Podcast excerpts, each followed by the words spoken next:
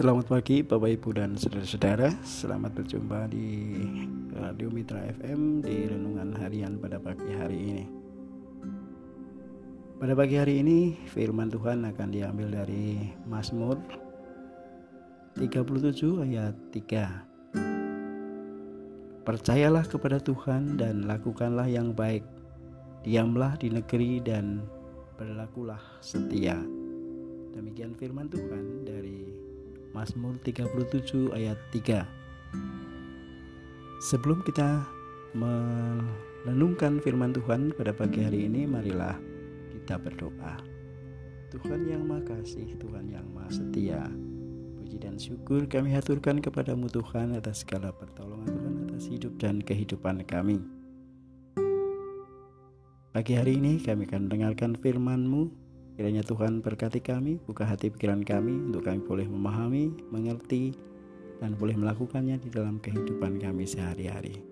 Terima kasih Tuhan. Amin. Bapak Ibu dan saudara-saudara, kesetiaan adalah salah satu karakter penting yang harus dimiliki semua orang. Sebab dalam hubungan dengan sesama, rumah tangga, bisnis, pekerjaan, terlebih-lebih dalam hubungan dengan Tuhan dan pelayanan, kesetiaan sangatlah diperlukan. Di dalam Galatia 5 ayat 22 23 dikatakan semua orang percaya tahu bahwa kesetiaan adalah bagian dari tubuh buah roh. Tak mudah menjadi orang yang setia ketika berada dalam situasi baik, enak, dan nyaman, kesetiaan itu mungkin sesuatu hal yang gampang. Namun, bagaimana ketika perahu kita gonjang, dihantam oleh ombak, gelombang, dan badai dahsyat? Masihkah kita berlaku setia di hadapan Tuhan? Terkadang orang menyatakan komitmen untuk setia mengiringi Kristus dan melayani Dia dengan sungguh-sungguh. Namun, dalam prakteknya tidak sesuai dengan apa yang diucapkan, apalagi ketika terbentur dengan masalah, tantangan, atau kesulitan. Mereka mulai meragukan kasih dan kuasa Tuhan. Ternyata berlaku setia di segala situasi tak semudah membalikkan telapak tangan. Karena itu, jarang sekali didapati orang yang benar-benar setia. Banyak orang menyebut diri baik hati, tetapi orang yang setia, siapakah menemukannya? Demikian di dalam Amsal 20 ayat 6. Pengertian setia adalah berpegang teguh pada janji, pendirian kokoh, tidak tergoyahkan, patuh, taat, tidak berubah, konsisten, layak dipercaya. Tuhan menginginkan anak-anaknya hidup setia di hadapannya. Segala yang diperintahkan kepadamu haruslah kamu lakukan dengan setia janganlah engkau menambahinya ataupun menguranginya.